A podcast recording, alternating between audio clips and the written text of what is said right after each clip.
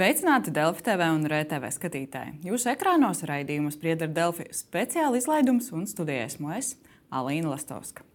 Kad tu atgriezies no uzdevuma, saproti, cik tuvu bija nāve. Bet uz vietas, kaujas laukā, nē, es nejūtu bailes. Tā vienā no intervijām sāka mūsu šodienas viesis, kurš bija viens no pirmajiem brīvprātīgajiem no Latvijas, kas devās uz fronti, lai aizstāvētu Ukrajinu. Latvijā viņa vārds bija plaši izskanējis jau pirms tam, kad viņš naktas aizsāgāja Jēkabpilī, aizvāca padomju militārisma simbolu Lielgabalu un iemeta to Daugavā. Un pie mums šodien studijā zemnieku saimniecības kalvas īpašnieks Gunārs Kalva. Sveicināti! Labdien! Un šajā sarunā, nu, kā jau svētku priekšvakarā, noteikti runāsim gan par Latvijas drošību, sabiedrību un dažiem citiem aktuāliem jautājumiem, piemēram, zemniekiem, pievienotās vērtības, nodoklis augļiem un dārzeņiem, bet vispirms par Ukrajinu. Un Kalvas kungs gribētu jums jautāt, nu, kad jūs pēdējo reizi bijāt Ukrajinā un kāda tur ir situācija, ko jūs redzējāt? Pēdējo reizi biju oktobrī uz īsu brīdi, burtiski pusotru dienu pavadīju Ļuvijā ja mēs aizvedām transporta līdzekļus un dažādas citas vērtīgas mantas armijai un atgriezāmies atpakaļ. Bet runājot par noskaņojumu, varu teikt, ka izmaiņas ir. Izmaiņas nav ļoti pozitīvas, jo tiekamies ar lieliem optimistiem, lieliem Ukraiņas patriotiem. Un arī šiem cilvēkiem sāk iesakties nelielas bažas. Es tā jūtu pēc sarunām par rītdienu, par nākotni, par gaidāmo uzvaru. Tā kā, līdzīgi tā kā mēs sekojam notikumiem Latvijā, kas notiek Ukrajinā, viņi tur ir iekšā dien dienā un analizējot rūpīgi visus notikumus un gaitu, viņiem sāk rasties bažas. Sāk rasties bažas, tā situācija tiešām jau nu, ilgstoši notiek tāds pilnmēroga iebrukums un karš. Bet runājot tieši par frontē, ja jūs bijāt viens no pirmajiem brīvprātīgajiem, kad pēdējo reizi nu, tur jūs bijāt? Es atgriezos no Limānas frontes 26. martā. Tā kā jau pietiekoši ilgi, lai eh, nespētu jums stāstīt par šī brīža vai neseniem notikumiem, bet eh, jā, ziemas periods viss tika pavadīts eh, Kremļa sektorā, un par to es varēšu pastāstīt, ja būs interesi. Mm -hmm.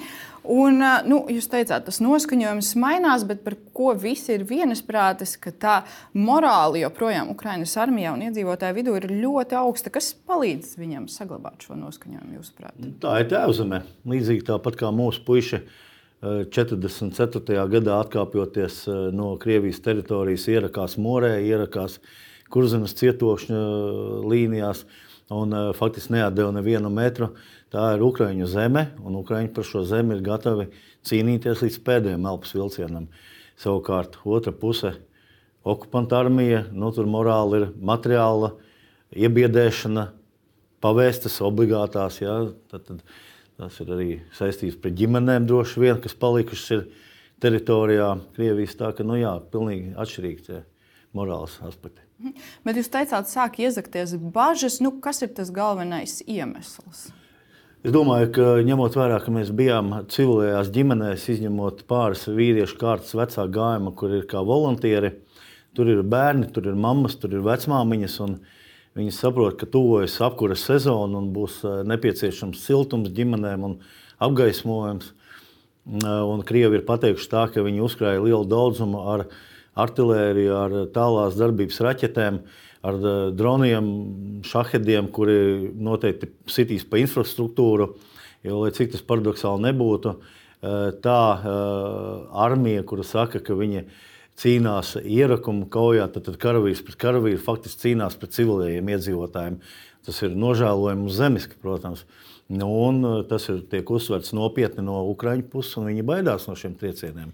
Tad faktiski mēs varētu redzēt atkārtojumu tiem notikumiem, kas bija iepriekšējā ziemā, kad bija jautājumi gan par apgaismojumu, gan par apkuri un tieši to civilo infrastruktūru. Manuprāt, tas būs daudz masivētāks.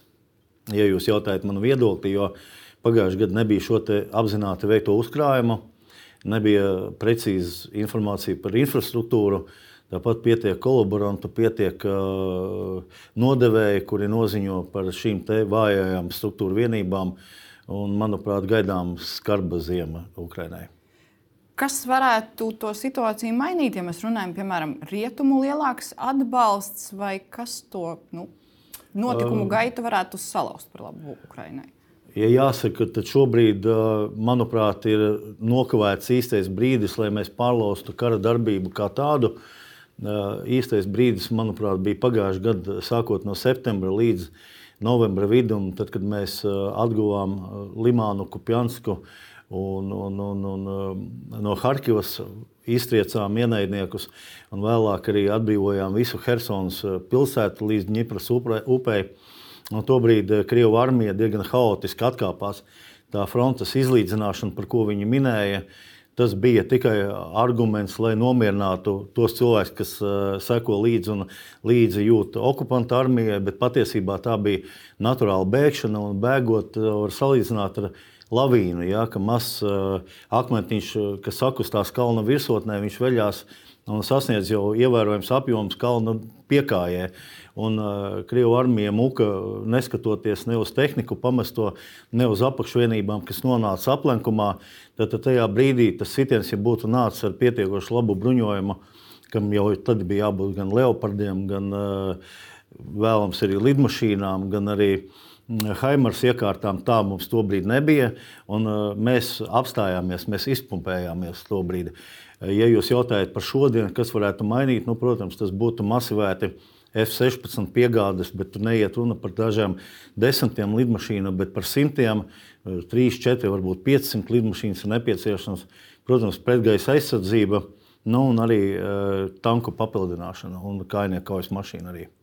Es saprotu, ka tāda prognozēšana nav pārāk pateicīga lieta, un jūs vairāk kārt esat runājis par to, kā jums šķiet, kad karš varētu beigties ar Ukraiņas uzvaru. Jūs teicāt, ka līdz šogad tas nebeigsies vienreiz, tad jūs teicāt, ka rudenī teiksiet prognozes par nākamo gadu. Nu, kāda pašlaik jums ir tā situācija, kad mēs sagaidīsim Ukraiņas uzvaru? Ziniet, reizēm tas, kas nāk pirmais prātā, bieži vien izrādās par taisnību. Tad, kad mēs bijām aizsargājuši pagājušā gada martā Irpiņu un atgriezāmies bāzē Kijavā, lai uh, pārgrupētos eh, jauniem kaujas uzdevumiem un devāmies uz Harkivas sektoru, uz Barvinkovu. Eh, tad uh, es sniedzu vienu interviju, kurā uh, nes, kas man uh, toreiz to pamudināja teikt, ka karš līdz pilnīgai Krievijas teiksim, tā, zaudējumam varētu ilgt 8 līdz 10 gadi. Tas ir saglabājies arī Facebook ierakstos, un, un, un to var paskatīties šo interviju manu. Pēc tam redzot gaitu, ka mēs atcitām diezgan uh, veiksmīgi Kīvas pievārti, arī Harkivu, un, un Sumus, un Černihovu un, un Baltkrievijas eh, pierobežu tika attīrīti no okupantiem, tad, protams, tas optimisma vilnis bija pietiekoši augsts, lai turpmākās intervijās es minētu nu, to gadu vai pusotru. Tagad tas optimisms atkal iet mazumā. Jā, jā. Un jūs tagad paliekat atkal pie tās sākotnējās prognozes, 80 gadi kopumā. Mēs varētu. Tas ir ļoti garš laiks. Protams, es ceru uz īsāku, bet eh, nebrīnīšos, ka šiem gadu skaitļiem varētu grozīties šī uzvaras tālums. Man interesanti būtu arī uzklausīt eh, no jums tādas nu, nedaudz praktiskāk. Jūs varat stāstīt, nu, kā tas notiek. Jums radās tā sajūta, ka jums ir jābrauc, jāpalīdz Ukraiņai šajā karā. Nu, Jūs atbraucat, kā tas darbs notiek, ko jums iedala darīt frontē, cik koordinēti tas notiek? Nu, sākoties kara sākumam, es ierados kā pavadošā persona žurnālistiem Indrejs Prancei no Latvijas Radio 1 un Atim Klimovičam. Un tieši tajā naktī, kad mēs palikām Ļuvivā, nāca divi jau, divas jaunas ziņas. Pirmā bija no Latvijas saimas, ka tiek pātrinātā veidā izmainīts likums par to, ka latviešu vīrieši drīkst piedalīties bruņotos konfliktos arī ne Eiropas un NATO valstīs, tātad Ukrainā. Un, uh, tieši tajā dienā arī prezidents Zelenskis aicināja ārzemju cilvēkus, kuri gatavi piedalīties šajā bruņotajā konfliktā Ukraiņas pusē, stāties uh, Ukraiņas armijas rindās. Un tas bija nu, tāds zināms sagadīšanās. Un jau 28. februārī es biju pie kara komisariāta Ļuvivā vārtiem un uzsāka savu darbību. Pirmais bija Gruzīna leģionā, un vēlāk jau aizgāja uz Karpats, kas ir mūsu bataljonu. Nu, lūk, sākumā, kamēr uh, notiek filtrācija, tevis uh, informācijas ievākšana, tas ir laiks kādas divas, trīs nedēļas aptuveni, kad saproti, ka ieradies es ar labiem mēķiem un, un, un labu gribu. Pēc tam, protams, ir pirmie kaujas rūdījumi, kurā komandieris skatās, kādas tev ir prasmes, kādas spējas, kāda gatavība upurēties, kāda gatavība izpildīt uzdevumu līdz galam. Un tad, kad esi pierādījis savu varēšanas līmeni, tad jau paliek vieglāk, jo katrā nākamajā reizē tev jau iet pa priekšu. Nu, kā moderni teikt, CV, jā, CV ar tavu kaujas sarakstu, ar taviem kaujas uzdevumiem. Un, Parasti jau mēs atgriežamies pie komandieriem, kurus mēs zinām, vai tie ir rotas komandieri vai ir bataljona komandieri, varbūt štāba priekšnieki atsevišķi bataljonos. Un, par tevi, par sevi nekas nav jāstāsta. Viņi jau zina, jā, lūk, atbrauc šis karavīrs, viņš spējīgs uz šādām vai, vai citām lietām. Un jau burtiski otrajā, trešajā dienā, tad, kad es pēc ceļa atpūties un izgulējies, savāc kaujas uzdevuma mantiņas, komandieris aptuveni izstāsta, kāds būs šis kaujas uzdevums un dodies uzdevumā. Jūs pieminējat, ka nu, jums pa priekšu ir tāds jau kā CV, kad jūs esat bijusi uh, tur kādas reizes. Kas ir tajā CV tāds, nu, te, sauksim to par ierakstu, kas, ar kuru jūs lepojaties visvairāk? Es domāju, ka tad, kad tu atnāc no uzdevuma un rotas komandieris pasaka, ka Latvijas, man sagvārds ir Latvijas, tajās dienās un naktīs, kad tu esi uzbrukumā, ir vienīgais laiks, kad es varu mierīgi gulēt. Nu, tas ir liels pagodinājums no komandiera. Jūs esat arī teicis, ka jūs esat bijis gan izlūkrotā, gan priekšējā pozīcijā cīņās. Nu, tad, respektīvi, jums tāds nu, uzdevumu klāsts bija diezgan plašs. Tā jā. mēs varētu raksturot. Es domāju, ka diezgan plašs, jā, protams. Tas ir speci specifisks kainieku uzdevums. Ar, mehanizētām lietām man ir maz darīšana, bijis blakus stāvējuši aero izlūki un ar, drona puišiem, ar, ar, ar radioelektroniskās izlūka daļas puišiem man ir bijusi sadarbība pietiekoši laba.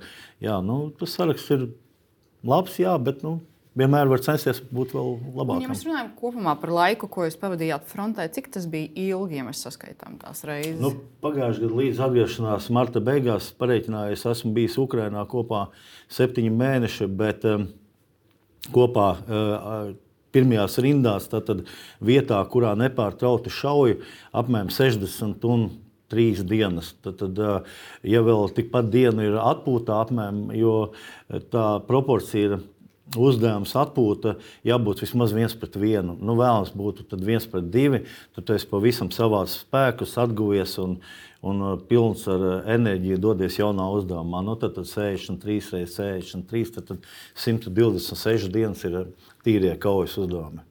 Jūs plānojat uh, doties vēl? Jā.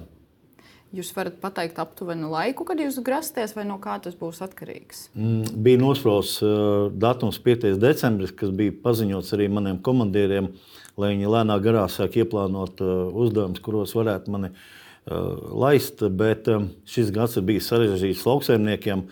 Lauksaimniecība ir mana pamatnodarbošanās no 91. gada.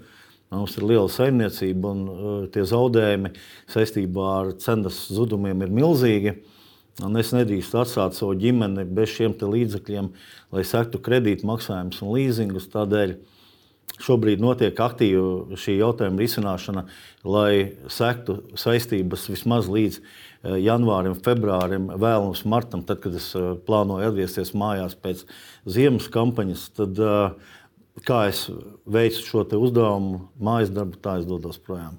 Bet tad visticamāk tas varētu būt vēl ziemā. Mm, es ceru, ka līdz Ziemassvētkiem es sakārtošu šo jautājumu un uz Ziemassvētkiem varētu doties prom. Vai jums ir kādas ziņas arī par citiem latviešiem, kas ir frontē, vai jūs savā starpā sazināties, koordinējaties arī? Jā, ir.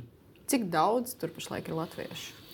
Latvieši, kādi 11 puiši, ir nepārtraukti. Kopā mēs esam bijuši apmēram 30 dažādos rotācijas laikos. Uh, bet aktīvu kontaktu es uzturu, uzturu ar kādiem diviem, trim. Mhm.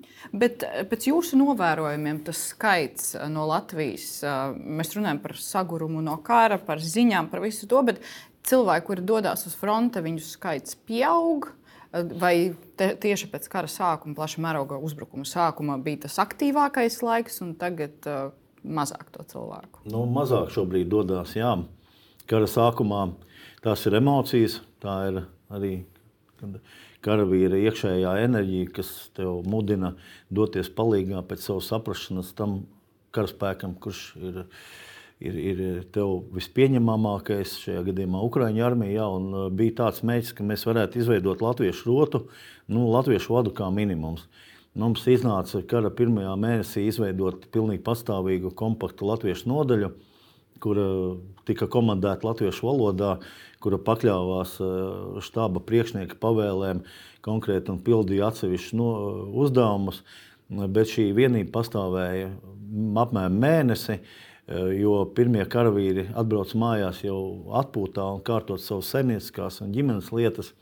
Un pēc tam vairs, mēs neatjaunojām šo vienību pat nodaļas sastāvā, jo pirmkārt nepietika mums resursi, karavīra resursi, otrām kārtām man pašam personīgi gribējās karot vienam, negluži apzināti atraidīties no latviešu puišiem, bet Mm, man bija uzticēts pienākums vadīt šo nodaļu. Un tad tev kā nodaļas komandierim ir jārūpējas gan par uh, ikdienas uh, dzīvošanu, ēdināšanu, drēbju mazgāšanu, nu, tādi zemnieciskie darbi. Ja? Un man tas uh, nelikās saprātīgi aizbraukt uz karu Ukrajinā, lai būtu par, par, par zemniecisko darbu teiksim, koordinētāju. Un tādēļ, ja man sanāk karot ar latviešiem kopā, kuri šajā vienībā ir bijusi šī jau neatkarīgi no manis ieradušies, tad uh, ir ļoti labi. Mēs arī tādi gadījumi ir bijuši un neviens vien, bet vākt grupu. Vai tā ir nodaļa vai vārds, lai pēc tam viņu koordinētu, vadītu, nu tad no karošanas tur nekas nesanāk. Tad nu, sanāk vairāk, vairāk tādi zemnieciskie darbi, kā jūs pieminējāt. Tas man neapmierināja. Un jūs arī pieminējāt nu, to, kā jūs uzteicat par to, ka var gulēt mierīgi, ka jūs esat tur. Kāds vispār ir iespējas par latviešiem Ukrajinā frontē? Kāds ir novērtējums? 50 uz 50 ir tā, ka ir kapātāji, ir gājēji, kuri aizbrauc un vienkārši tur rāda uh, ļoti labus rezultātus un izcilus rezultātus. Un ir arī nu, tādi, kuri uh, tomēr vairāk aizbrauc, kā, mm, ievilkt ķeksīti varbūt savā uh, autobiogrāfijā un tā, bet es negribu apspiest šos jautājumus. Jo bet tie ir arī cilvēki, teiksim, tā, kuri varbūt līdz galam pat neapzinās, kur viņi brauc un nav līdz galam sagatavoti. Arī tādi gadījumi ir redzēti. Jā, es esmu atraidījis cilvēkus vismaz 15 minēšu tā pēc sajūtām, kuri lab, labprāt būtu pievienojušies, bet pēc sarunas vai īsākas vai garākas ar šiem cilvēkiem es saprotu, ka nu, viņi vai nu nav zināšanu jomā, vai fiziski gatavi, vai mentāli gatavi. Ja tur ir jābūt arī galvā ļoti, ļoti viss kārtībā, lai neaizietu ātrā un vieglā nāvē. Tomēr mums svarīgākais uzdevums ir uzvarēt un atnākt mājās dzīviem. Tas ir primārais uzdevums. Un, piemēram, viens no cilvēkiem, kuru es arī mm, neteiksim, ka viegliprātīgi uztvēru, bet varēju vairāk pievērst uzmanības, lai nonāktu frontē Sarmīta Cīrule, kuru šobrīd mēs dienam kopā vienā bataljonā, viņa ir nepārtraukti jau otro gadu uh, Uh, frontē, un viņa vienkārši ir nu, cepura nost. Viņa cīnītājs uz goda. Bet, lūk, kā sanāk, interesanti. Viņi ir nepārtraukti otro gadu, un es esmu jau 8, 9 mēneši mājās un taisos tikai atgriezties. Tā kā nespried vīru pēc cepuras, uh, nevar tā uzreiz pateikt. Ir arī tādi gadījumi, kad jums liktos, ka cilvēks nav gatavs, un tad cilvēks. Jā saņemās, vai sagatavojās, jā, vai jā. pastrādā un parāda labus jā. rezultātus. Man ir bijuši gadījumi, kad cilvēks kaut kādā sagatavošanas periodā atrodas bāzē un gatavojas pirmajiem uzdevumiem. Es domāju, puisīt, puisīt, ko tu dari. Un tad, kad pienāk līdz kaujas uzdevumiem, tad tas puisīts rāda ļoti labus rezultātus un ir prieks par, par to, ko viņš paveic. Jūs sākāt runāt par tādu mentālu gatavību arī visam tam, ko sanāk redzēt frontē, tā nāves klātbūtne un vispārējais. Runājot par jums, kā jums šķiet, cik ļoti karš jūs ir personīgi mainījis? Nu, es domāju, ka mani karš ir stiprinājis, ja tā ņem. Jo es pēc dabas esmu mm, vienmēr bijis ļoti emocionāls. Un, uh, pie mazākās iespējas, vai nu sācis skreņķi dzīt, vai, vai biju gatavs arī nobirdināt, kad asaru, tad eh, karš tomēr mani norūdījis arī šādā jomā un mēģinu, lai tās emocijas, kas nāk, atcitās pret mani kā pret bruņu rupuču čaulu vai pret gliemeža jau un, un, un neuzņemt viņas. Protams, to ir izdarīt nevienmēr viegli, bet eh, nu, jā, es, man patīk labāk tāds gundars, kāds šobrīd ir pēc tā pusotra gada Ukrajinā.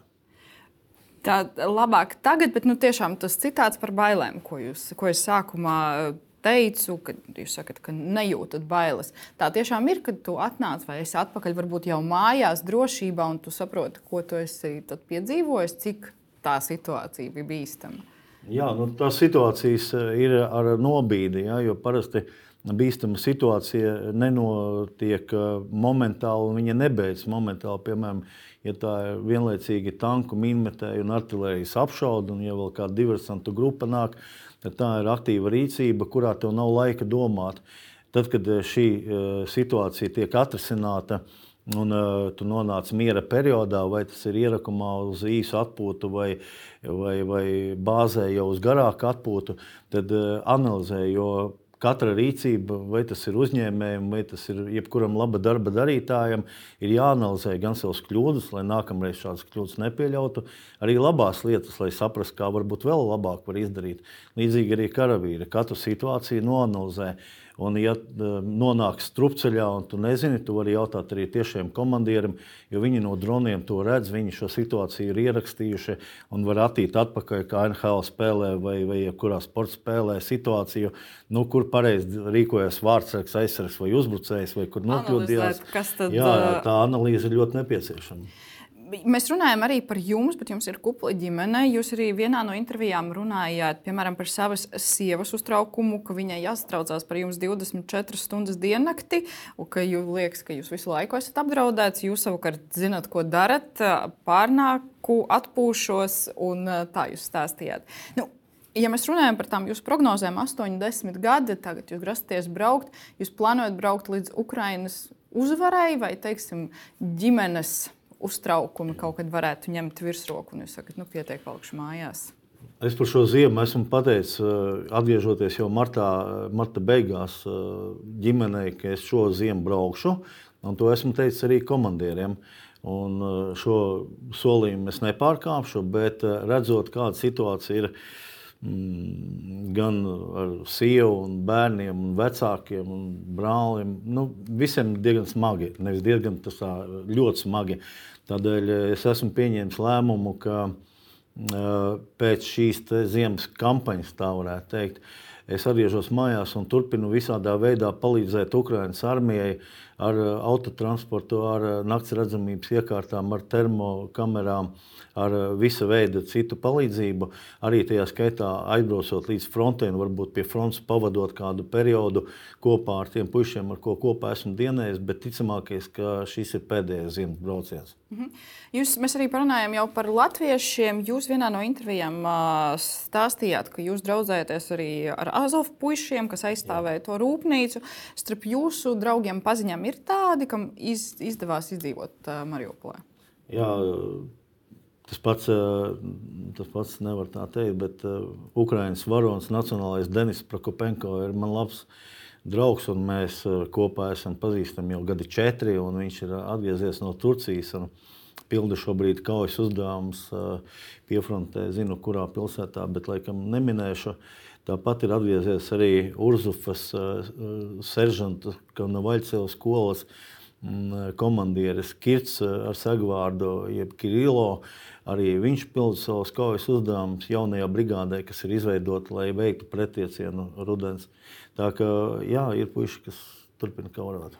Ja mēs runājam arī par tādu, nu, cik publiski jūs stāstat par šo visu, jūs esat kādreiz izjūtis apdraudējumus, nezinu, ģimenei saistībā ar jūsu pausto vai jūsu braukšanu uz fronti, vai kāds varbūt jums kaut ko ir nezinu, teicis, tādu provocējis, vai vēl kaut kas nu, tāds gadījums? Ir pietiekoši daudz bijušas tādas situācijas, bet um,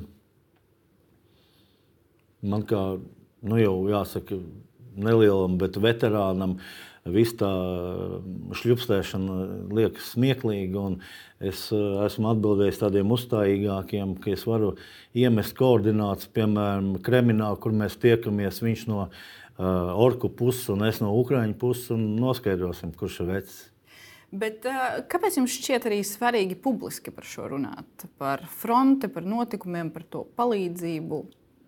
Nu, patiesībā sakot, publiski es, ja būtu mana izvēle, nebūtu vispār zinājuši īsti, ka es tur atrodos, bet tā sagadīšanās, ka biju vienā uh, grupā ar Indru un ar Āti, un viņi piedalījās arī tajā braucienā līdz Ļuvijas kara komisariātam, un nu, žurnālistam tomēr tā informācija ir jānes eh, sabiedrībā un cilvēkiem, un viņi to piefiksē. Pēc tam, protams, nāca arī uh, ziņas no Latvijas žurnālistiem, kas uh, veido sižets Latvijā, bet man publicitāte, godīgi sakot, ne ļoti patīk. Es tā nevaru teikt, bet uh, nav nepieciešama. Bet, uh, savukārt, tad, kad es mēģinu teikt, ka nu, jau ir varbūt par daudz šī publiskā uzstāšanās, man cilvēki, žurnālisti atbild, bet tavi stāsti ir jāzina tautai. Jo varbūt šo stāstu dzirdēs tas cilvēks, kas līdz šim nav klausījies to citu pārraidi. Ja? Tādēļ nu, es mēģinu sabalansēt savas personīgās intereses, kas būtu ne intervijai, ar sabiedrisko labumu, ko varētu gūt šī intervija tas, ko jūs arī pieminējāt, un kas arī saistās parasti ar publicitāti, par to kopumā motivēt, atbalstīt Ukrainu, neaizmirst, ka katrs var uh, kaut kādā veidā iesaistīties un atbalstīt. Ja mēs runājam par Latvijas sabiedrību, pēc 24. februāra ļoti strauji un kopā mēs mobilizējamies dažāda veida atbalstam, kā jums šķiet pašlaik tas noskaņojums? Mēs joprojām esam tādi kā sabiedrība apņēmības pilni palīdzēt? Jā. Jā. Protams, uh Katrā situācijā, īpaši ilgstošā, ir nogurums. Tas ir jebkuram cilvēkam, jebkurai sabiedrībai. Un tad ir atkal jauni notikumi, kas veicina uzplaiksnījumu enerģijas. Un, uh, ir bijuši piesēdieni un ir bijuši pacēlieni, bet kopumā latvieši skatoties no malas, uh, ir ļoti uh, lieli malači. Man gribas pateikt lielu paldies gan man kā karavīram, gan arī no Ukraiņu puses. Nes šo paldies milzīgo Jo tik daudz gan autotransporta, gan finansiāli, gan degvielas ziņā, kā latvieši, ir grūti atrast otru, otru nelielu nāciju. Protams, ja runājam par globāli lielajām valstīm, tad tur mēs nevaram sacensties, un tas arī nav jādara. Jo tur arī iespējas tieši tā, bet uh, kopumā mēs Latvijā esam lieli, lieli malači. Liela malači, bet, ja mēs runājam par situāciju Ukrajinā, skaidrs, ka arī Latvijas sabiedrība un Latvija piedzīvoja daudzas izmaiņas uh, pēc šī plaša mēroga iebrukuma. Kā jums šķiet, ja mēs runājam par drošību Latvijai? Jūs teicat, pagaidām esam drošībā, bet, ja mēs nerunājam par tādu nu, katra cilvēka gatavību kādai krīzē, mēs kā valsts esam arī auguši un daudz ko ieguvuši. Ja salīdzinām ar 24. februāri 22. gadā, tad, protams, mēs esam daudz stiprāki, daudz uh, gatavāki. Jo caur Ukraiņas milzīgo nelaimi un lielo karu mēs esam savus slēdzienus izdarījuši, secinājumus un arī uh, finansiāli mēs redzam, ka jaunie budžeti nāk ar vien lielāku pieaugumu aizsardzībai.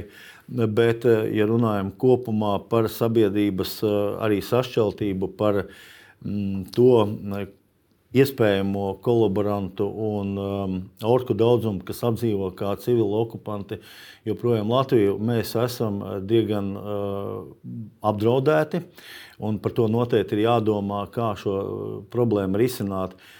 Jo man bail domāt, kas notiktu, ja Krievijas armija masivēti kolonās nāktu iekšā mūsu teritorijā. Es domāju, ka uh, Jēkabils būtu varbūt prēļi pirmā uh, vieta, kur mēs viņus apstādinātu ar reāli lielu kauju. Jo viss cieņa Latvijas patriotiem, Latvijas ļaudīm, uh, Latvijas raksturam spītīgiem cilvēku, bet uh, tā masa, kas ir vatē iekšā, tur, tā ir vienkārši milzīga. Un, tur būs ļoti daudz, tiešām, kas sagaidīs ar ziediem. Jūs runājat par Krievs. tādu lielu cilvēku daļu, cik es saprotu. Nu, ja mēs raugamies uz to situāciju, mēs skatāmies arī, piemēram, statistikas datus, ko parāda SKDS, kā mainās attieksme teiksim, pret Krieviju sabiedrībā. Tur tās pārmaiņas ir krasas. Tad, tas, kā jūs sakat par tiem cilvēkiem, viņu kļūst mazāk vai viņu joprojām jūs sakat tikpat daudz?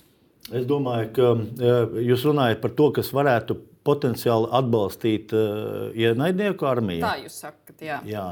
Es domāju, ka šo cilvēku skaits ir samazinājies, bet viņš ir arī konsolidējies.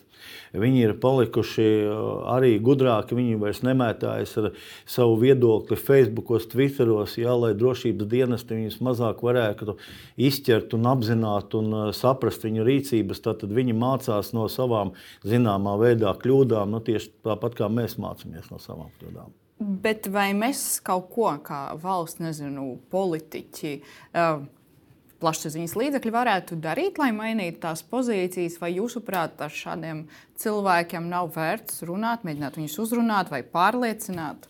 Ar krasi radikāliem, es domāju, nav jēga runāt, un varbūt es pateikšu tādu paradoxālu viedokli, bet um, ir atsevišķi. Uh, grupa cilvēku, kas arī mani Kruspīlī, Jēkabīlī vai manā reģionā uzskata par uh, nu, latviešu nacionālistu, tas ir pats maigākais, kādi apzīmējumi ir pret mani.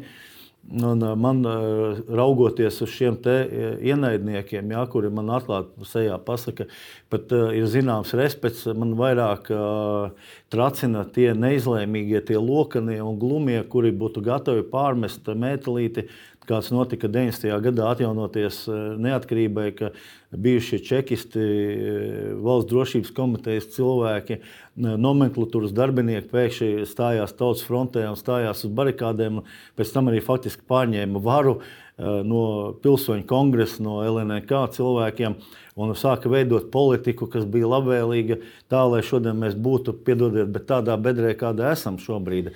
Tā ka jā, tie lišķīgie man daudz vairāk derdzās nekā tie stingrais krievs, kurš pasaka, es uz tevi šaušu. Nu, es arī uz viņu šaušu. Es vienkārši domāju par to es cenšos būt optimists. Man patīk ticēt labajām cilvēkos. Un līdz ar to es arī domāju un jautāju šeit, studijā, gan politiķiem, gan arī pārējiem, ko mēs varam darīt, lai mēs būtu vienoti. Lai mēs būtu nevis ienaidnieki, bet sabiedrotie.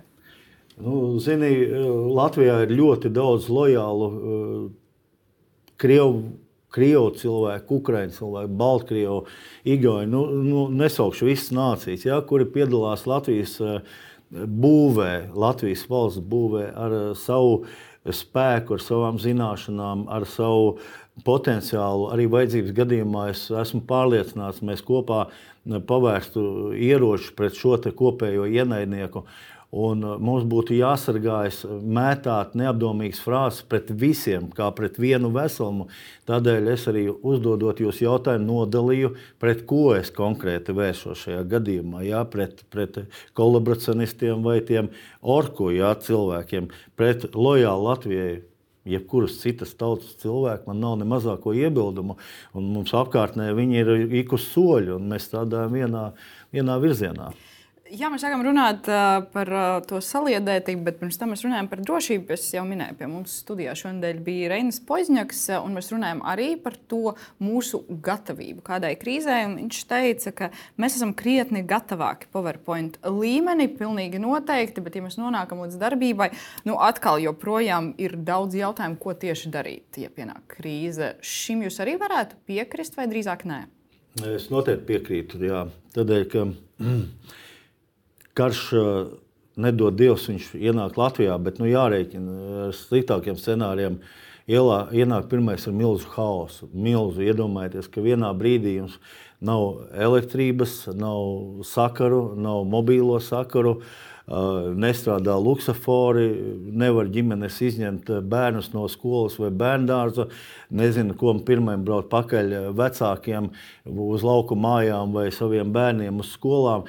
Tas ir hauss nežēlīgs. Ja mēs um, apjūkam tādā brīdī, kad ir lokāla problēma un atbildīgie dienesti īsti saskaņoti arī kopsaucējs nevar atrast tad es varu iedomāties, kas notiktu, ja, ja, ja notiktu Latvijā kaut kas tāds, kas notika Ukrajinā. Ko mēs varam darīt? Mēs dzirdējām skaidrojumus no politiķiem, un ministrijas mēģināja skaidrot 72 stundu soma, kaut kādi rīcības algoritmi aprakstīti. Bet nu, vai ar to ir gana, un kam būtu jāuzņemās atbildība, lai mēs nu, labi, katram pašam par sevi tas ir skaidrs, bet tādā valsts līmenī, kas, nu, varbūt, kam būtu jānotiek? Tad es pasapņošu, mēs atceramies Jēkabpilī lielos plūdus šī gada janvārī, kad vietējā pašvaldība ar vietējiem resursiem, cilvēkiem, uzņēmējiem, palīgiem arī no Rīgas un no Madonas. Es zinu, brauc mums palīgā, atrisināja ļoti sarežģītu uh, problēmu. Tad uh, nu, paņemsim Jēkabili par pilotu programmu, kurā izspēlē dažādas simulācijas spēles ar to, kas notiek, ja notiek kurā ir jāstrādā gan operatīviem dienestiem, gan pašvaldībai, gan uzņēmējiem ar savu tehniku, gan, gan, gan vienmēr iesaistīt visu sabiedrību krīzes risināšanā un modelē, ko varētu pēc tam pārnest arī uz Limbaģiem, Cēsīm, citām Latvijas pilsētām, protams, arī Rīgu. Mums ir jābūt vienam mācību poligonam, ja tā varētu teikt. Tā kā šobrīd mūsu kainieki un mehanizētās brigādes strādā ādažos, Tad būs arī sēljā poligons, kas ir, protams, ļoti labi, kas stiprinās arī mūsu austrumu un, un, un Lietuvas pierobežas reģionu. Bet kamēr mēs neesam dzīvē pārbaudījuši, kā notiek uh, konkrēta reakcija pie krīzes, tik ilgi mēs varēsim tikai uz papīra rakstīt punktveidā un atzīmēt ķeksīšu veidā. Mm, un tas neko daudz pie reālas krīzes mums nepalīdzēs. Nē, nē nu, paskatieties, tad, kad uh, skolās paziņoja un bērngārzos, ka ievietots spridzekļi vienlaicīgi 300 skolās, īsti nezināju. Zinu, man ir skolotāji arī bērniņus izved ārā, kā jau viņi tur apģērbti bija. Labi, ka nebija ziemas pelgons un stundu noturēja, kamēr vispār nāca pirmā informācija, kā rīkoties. Jo bija neliels, bet tas bija haoss pie pilnīgi ikdienas situācijas. Mhm. Vēl nu, mēs runājām par to, jūs arī pieminējāt, ka jūsuprāt, nu, vairāk ir jāiesaista visi cilvēki, tajās gan varbūt tādās plašākās mācībās, gan kopumā jāizmanto tas potenciāls, kas mums ir pašiem sabiedrībā. Rēnis Posņaks arī šeit minēja, piemēram, medniekus, kuriem ir ieroči, kuri prot apieties, ka varbūt arī viņus varētu kaut kādā veidā vairāk iesaistīt. Neapšaubāmi. Labs piemērs ir mednieki, jo mednieki ir aprīkoti ar ļoti moderniem, precīziem, faktiski tādu nelielu attālumu sniperu ieroču, ieročiem, arī ar naktas uzlikām un termotēmekļiem un viss kārtībā. Bet atkal te ir jāskatās tas pats jautājums, pie kuras tā kā negribētu atgriezties. Ir arī dažādi mednieki. Ir tie mednieki, kuri būtu sarkanbalti sarkaniem apsējiem uz piedurtnēm un būtu tādi mednieki, kuri medīt uh, šos medniekus. Jā, atkal, tā, tur ir jāstrādā dienestiem, tur ir jābūt um, ļoti mm, teiksim, tā, gudri uh, šo mednieka kārtu jāspēlē. Jo, protams, tas ir potenciāls, nu, milzīgs potenciāls ir zemesardze, manuprāt. Es pats esmu zemesardzē no 91. gada 11. novembrī, manuprāt, nodevu uz vērstu. Uh, Un, uh, tajā laikā mēs bijām tiešām nu, formās, kāds jau nu kuram bija. Tad redzot, kāds ir ekipējums, kāds ir aprīkojums un ieroči mūsdienu zemesargiem, manuprāt, to ir jāstiprina. Liels prieks ir arī protams, par obligāto militāro dienestu, jau divi iesaukumi no brīvprātīgiem. Ceru, ka arī nākošie iesaukumi pamatā tiks komplektēti no brīvprātīgo principa, jo nedrīkst aizmirst to, ka cilvēks, kurš saņēmis pavēsti un tiek iesaukts, tu nezini, vai viņš iet eh, ar prieku vai ar, ar, ar, ar nīgrumu eh, šo pienākumu pildīt. Savukārt brīvprātīgais ir savu izvēli izdarījis un parādījis, jā, ka jūs ar mani varat rēķināties, un tas ir mūsu tas drošākais kapitāls. Ja drošība laikam un tādas sabiedrības spējas mobilizēties svarīgā brīdī nu, nebeidzās tikai ar tādiem aizsardzības jautājumiem, kā jums šķiet, vai mēs kā sabiedrība arī katrs apzināmies savu lomu valsts stiprināšanā kopumā, ne tikai runājot par aizsardzības spējām? Kopumā, manuprāt, situācija nav slikta Latvijā. Protams, katrā jomā, vai tā ir medicīna, vai izglītība, vai šobrīd īpaši par iekšlietu sistēmu, ir, ir, ir bažas par finansējumu un par to situāciju, kādā dzīvo mūsu policisti, ugunsdzēsēji un, un, un glābēji. Bet uh, sabiedrība, manuprāt, izaicinājumiem ir gatava. Vairāk es gribētu redzēt, ka valsts uh, likumdevēji, uh, politiķi tie būtu gatavi darīt. Kaut arī tas piemērs ar žogu kas 33 gadu laikā nav izbūvēts, tas vienkārši smieklīgi. Atkal atkārtoši tas nožēlojami. Ja mēs dzīvojam 33 gadu neatkarīgā valstī un attopamies, ka mums žoks ir caurs kā Holandas siers uh, tikai tad, kad sākas Ukraiņas karš, nu, tas ir tā ir nevis bezatbildība, bet tā ir, es pat teiktu, noziedzīga rīcība no cilvēka puses, kas bija atbildīgi par šo žogu būvi. Jūs pieminējot, pieminējāt politiķus, jūs pats arī strādājāt pašvaldībā, jūsu sieva arī, jūs esat Nacionālās apvienības pārstāvji. Vērtējot šo tādu arī iesaisti, kāpēc jums likās svarīgi iesaistīties politikā, piedalīties vēlēšanās pašvaldībā, un vai nebija domas par nacionālu līmeņa politiku? Uh. Es vairāk esmu bijis ārindas biedrs, un, ja ņem uh, pilnīgi secīgi, tad uh, mana tāda mazā puikaļa politika sākās jau 87. gadā, tad, kad es iestājos vidas aizsardzības klubā. Pie tam man ir viena no retajām apliecībām, kur ir saglabājusies. Man viņa stāv mājās jā, pie dokumentiem. Vēlāk nāca iesaistīties pilsoņu kongresā. Tad man bija 18 gadi, arī vēl, nu, tāds jauneklis. Un tad LNK laiks, tā zemē brīvībai, bet nevienā partijā es nestā, nesastāvēju. Tajā pat laikā Kruspelī, Jēkabpilī zināja visi, ka esmu saistīts ar sirdi un dvēseli, ar nacionālajām konservatīvām partijām un vērtībām. Savukārt, tad, kad dibinājās partija visu Latvijai, Man liekas, ļoti uh, liela enerģija un entuziasms šo jauniešu, kas nu jau ir pārauguši par vīriem un kārtīgām mečām. Uh, tad es jā, iestājos pirmā partija, kurā es esmu bijis. Tā ir faktiski visu Latvijai, un, un pie tās arī es pieturos arī šobrīd. Mhm. Ja mēs raugamies uz tiem notikumiem politikā, mēs zinām, valdības maiņa ar dažādiem argumentiem Nacionālā apvienība jaunajā valdībā nepiedalījās. Jūsuprāt, tā bija pareizā partijas izvēle. Neiesaistīties. Kāpēc? Tādēļ, ka ir jābūt kaut kādai konsekvencei, un ja mēs vēlētāji sāk šaubīties, ka, vai ārrindas biedri, ka mēs šo konsekvenci varam pamainīt pie apstākļiem, ka labāk palikt pie uh, lemšanām budžetā, pie ministru amatiem, Tā būtu ļoti slikta lieta, un uh, nākošajās vēlēšanās noteikti nebalsotu par mūsu partiju ne tikai es, bet tūkstošiem vēl citu latviešu. Tādēļ labāk pasēdēsim konstruktīvā uh, opozīcijā, paskatīsimies, kā lietas dara uh, citas partijas, kam šobrīd šī vara ir dota, un, un tad laiks rādīs. Bet vispār valdības maiņa, jūsuprāt, bija argumentēta, tā bija vajadzīga? Tā bija politiska korupcija jūs to saistat, respektīvi, tu, jūs to sakat, ņemot vērā prezidenta vēlēšanu Jā. iznākumu. Jā. Un tad uh, vienotība ir tā, kas veic tādu Jā. politisko korupciju, jūs prāt. Um, ja mēs runājam arī par uh, politiku, vēl nedaudz, uh, jūs sakat, politiskā korupcija, Nacionālajā apvienībā arī tagad ļoti daudz kritizē valdību. Ja mēs runājam par sabiedrības uzticību arī parlamentam, politikai kopumā, nu, mēs zinām, Latvijā tā ir diezgan zema. Kā jūsuprāt, eh, mēs to varam labot? Jūs arī kā partijas biedrs, varbūt jums ir eh, viedoklis? Nu, viedoklis, jā, man ir eh, mazāk vajag schēmot, dažādas politiskās kombinācijas veidojot. Vajag mazāk zakt, vajag mazāk melot.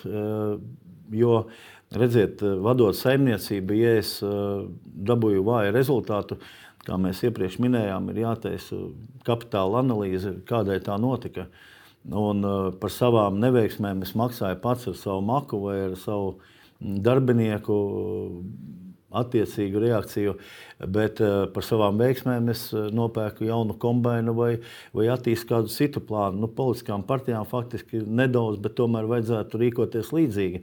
Nedrīkst būt tā, ka uh, tiek izmantot, kā piemēram pēdējais uh, noskatījos, šī lidmašīna, kurā tērēta 600 tūkstoši eiro mistiskiem braucieniem, lai gan tajā pašā uh, laikā varēja izmantot mūsu Air Baltica līdzsabiedrību. Un, uh, tad, kad prasa uh, skaidrojumu šai situācijai, uh, nespēja salikt vienu teikumu loģiski kopā, jo tur ir meli. Tur var redzēt vienkārši, ka cilvēks pinās uh, atbildēs.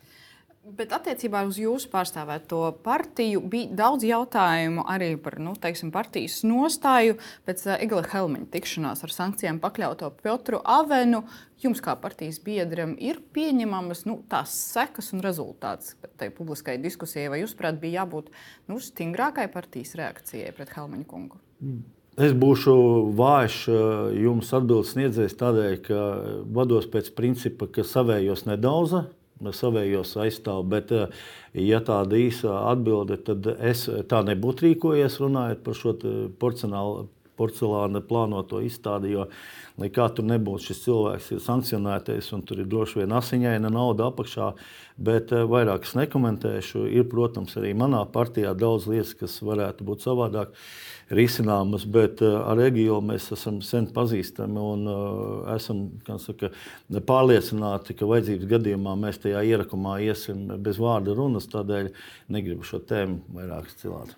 Labi, parunāsim par to, ko mēs pieminējām sākumā, kas lauksaimniekiem tagad ir vairāk aktuāls. Tad mums ir diskusija par pievienotās vērtības nodokli kontekstā ar nākamā gada budžetu, kas saimā jau pirmajā lasījumā konceptuāli atbalstīts. Respektīvi, bija 5% samazināta likme, tagad ir runa par 12%. Vēl jāatrod gan finansējums. Nu, jūsuprāt, nedrīkst paaugstināt pievienotās vērtības nodokli? Manuprāt, nedrīkst palielināt, jo te jāskatās nedaudz dziļāk iegūstot varbūt kādu tūkstošus vai, vai, vai pusmiljonu no šī paaugstinātā PVN, mēs sagraujam veselu nozari, dārzeņu audzētāju un, un, un, un augļu kopi. Un tad, esot slampē pirms trijām nedēļām, eh, skatoties eh, meitenes eh, runu, kurā viņa ar asarām acīs salauztu balstu, stāstīja zemkopības ministrijai par situāciju tādu, ka tas jautājums būtu vai nebūtu. Tur nav tā, ka dzīvosim labāk vai vēl labāk, bet vienkārši tas ir saimniecības jautājums, vai pastāvēs.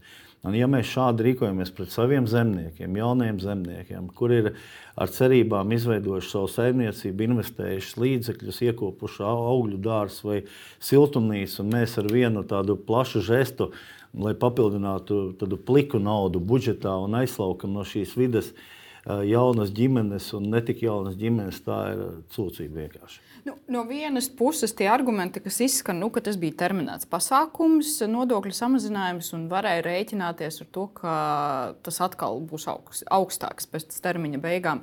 Jūsuprāt, tas nav īsti arguments? Nē, tas nav arguments. Tādēļ, ka mēs ļoti zi labi zinām, kāda nozare stāv aiz šiem cipariem.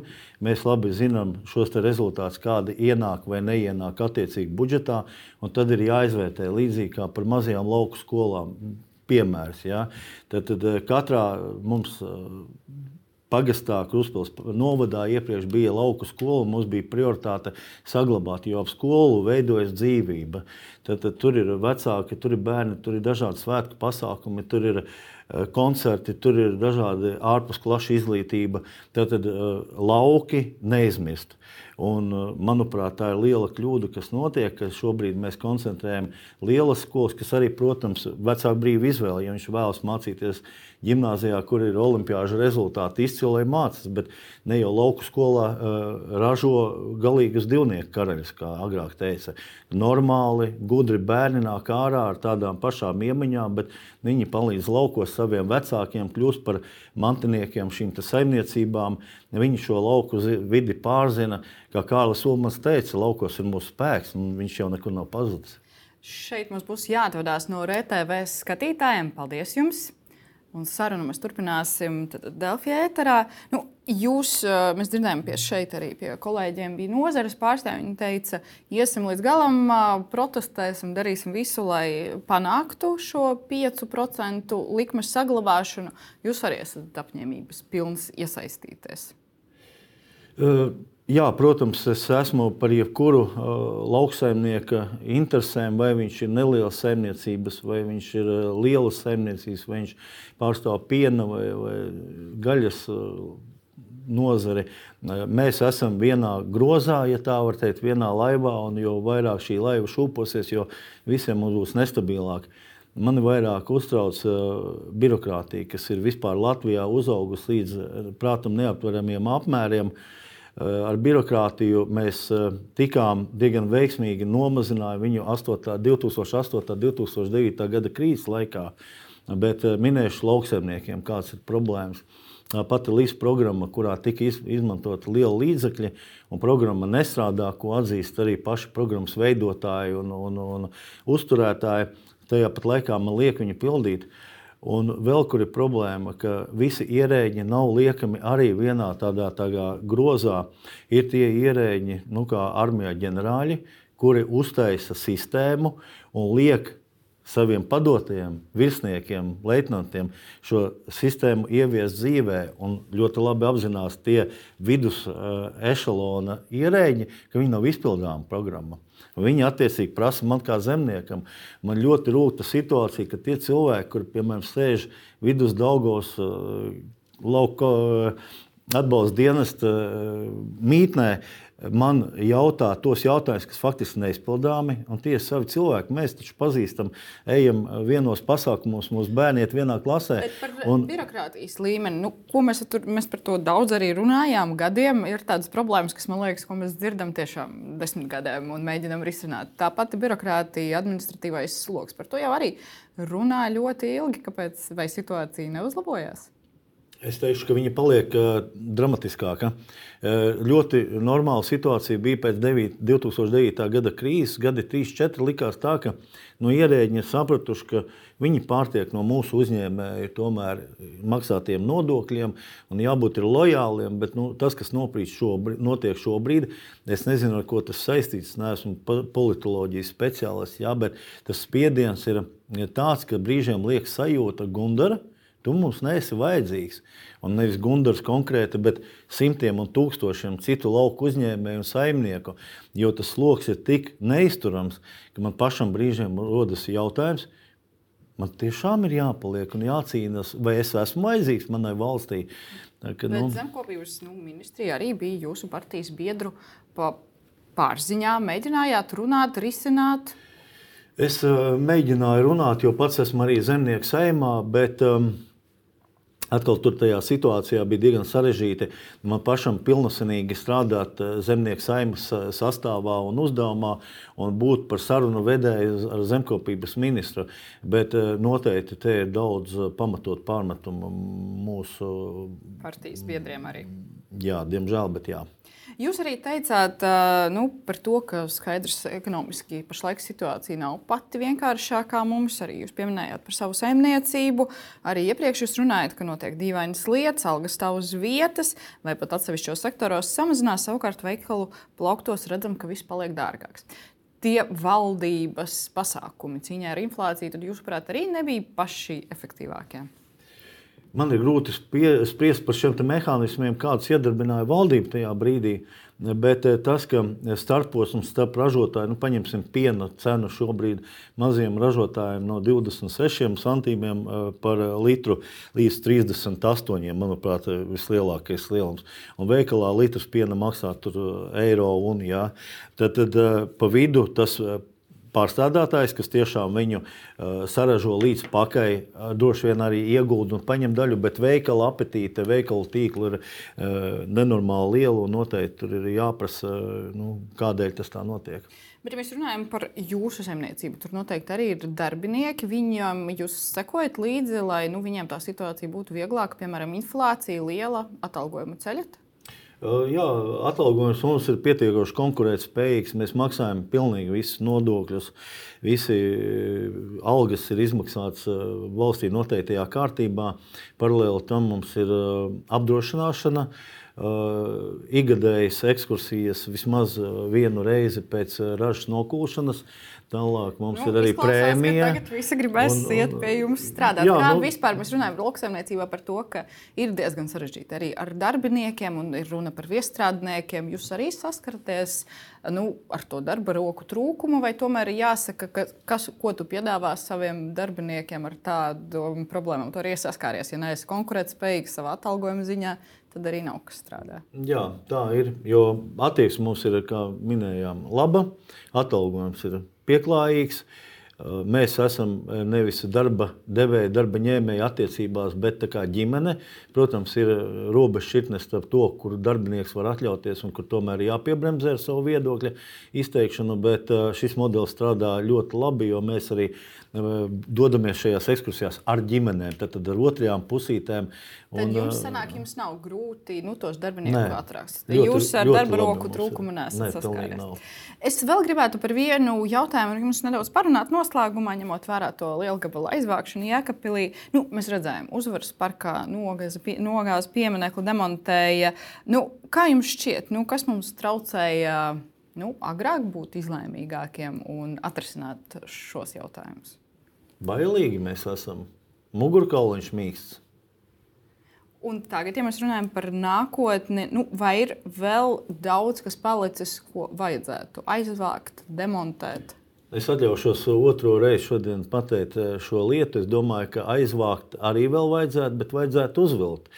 Jo 1962. gadā pusdienu Rīga dzīvoja zem sarkanbalta sarkanā karoga, kad Bruno Javovičs eh, Rīgas eh, radiotornī uzvilka visaugstākajā būvē to brīdi Rīgā sarkanbalta sarkano karogu. Un šajā vietā, kurā tas notika, ir uztaisīts uh, Mākets par topošo pieminiektu, kam ir nepieciešams finansējums, un uh, tuvinieki un tuvākie draugi mēs ejam un, un cenšamies sameklēt šo finansējumu, lai pieminiektu uzceltu. Manuprāt, uh, tieši valsts pienākums, mūsu likumdevēja pienākums ir godāt celt savus varoņus, kā Gunārs Astra, kā Lidija Doroņina. Cepuri nost vienkārši šiem cilvēkiem. Arī Bruno Javoviča piemineklim ir jābūt Rīgā, iespējami ātrāk, jo tā mēs parādām tiešām, kāda mēs esam saimnieki savā zemē. Bet par citiem pieminekļiem, par ko ir diskusija, gan arī Rīgā ir bijusi, tagad ir uh, iniciatīvas un domas, pie kā pašvaldība plāno atgriezties gan nākamgad par ielu pārsaukšanu, piemēram, Maskavas ielu. Kāds ir jūsu viedoklis par šo? Uh, atkal neesmu iedziļinājies, bet um, Šobrīd, eh, kara laikā, kad līst nevainīgu cilvēku asinis, kad krīt katru dienu mani cīņu biedri, viss, kas saistīts ar šo okupācijas armiju, ar šo te, uh, barbarismu, kas nāk no mūsu austrumu kaimiņa. Es saku, nē, Maskavas ielu nevajag. Varbūt arī uz emocijām mēs kaut kur par daudz pāršautu pār stīpu, bet runājot šobrīd, es saku, nevajag mums tādu ielu, nevajag mums Maskavas namu, nevajag mums kaut kādas apšaubāmas izrādes, kurā tiek izspēlēta. Viņi taču arī ir puisīši, nabaga, kuri tur krīt. Kādi viņi puisīši? Viņi ir reāli slepkavas. Ja mēs runājam vēl nu, par citiem jautājumiem, par tādiem vairāk svētku noskaņojumu, kam mēs tuvojamies. Tieši pirms gada jūs saņemāt atzīts par Jēkabpils novada goda pilsoni, par Latvijas valsts vērtību un latviešu tradīciju kopšanu, saglabāšanu un nodošanu nākamajām paudzēm.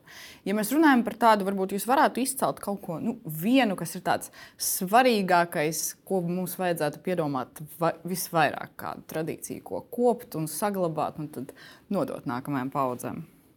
Lielākā, manuprāt, mūsu lielākais uzdevums ir veicināt demogrāfiju un bērnu dzimšanu Latvijā. Jo paši saprotam, ka ar šādu situāciju, kāda šobrīd mēs matemātiski nespēsim ilgstoši pastāvēt, tad tas ir jau politiķu un, un ministru uzdevums. Bet um, man ir ārkārtīgi liels prieks, ka iedzīvojusies Latvijas diena. Uh, Jo ir tādi svētki, kurus mēs mēģinām ierakstīt kalendārā, bet viņi neaiziet, kā tautā saka. Nu, Latvijas diena ir aizgājusi, un es vēlētos, lai viņi būtu sarkanā krāsā iekrāsot kalendārā, lai viņi būtu svinamā svētku diena. Un, eh, ja būs eh, šī karavīra diena, kur ir gatavi cīnīties, uzvarēt, ja vajag arī mirt par Latviju, tad būs arī Latvijas nākotne. Un vēl tāds jautājums, atkal tāds vairāk filozofisks. Ko jūsuprāt, mēs katrs, kā Latvijas pilsonis, iedzīvotājs, varētu darīt vairāk, lai nu, mūsu valsts būtu labāka un lai mēs visi būtu kopā laimīgāki šajā valstī? Domāju, ka vienkārši atliek mīlēt vienam otru vairāk, jo Latvijam ir tāda ziemeļnieciskā uh, daba, ka mēs arī ar viensētnieku domāšanu bieži vien esam apvienojamies dziesmu svētkos, apvienojamies hokeja vai basketbola čempionāta laikā, mīlēsim viens otru vairāk ikdienā un būs ļoti labi. Ikdienā arī piedomāsim būt laikam jaukākiem, tolerantākiem Jā. un priecīgākiem vienam pret otru. Paldies jums par šo sarunu! Paldies jums, skatītāji, un lai jums arī priecīgi valsts svētki. Savukārt, Spriedra Delfija ēterā atgriezīsies arī pēc garākām brīvdienām, otrdienā ēterā. Paldies jums, ka skatījāties, un tikšanos jau drīz!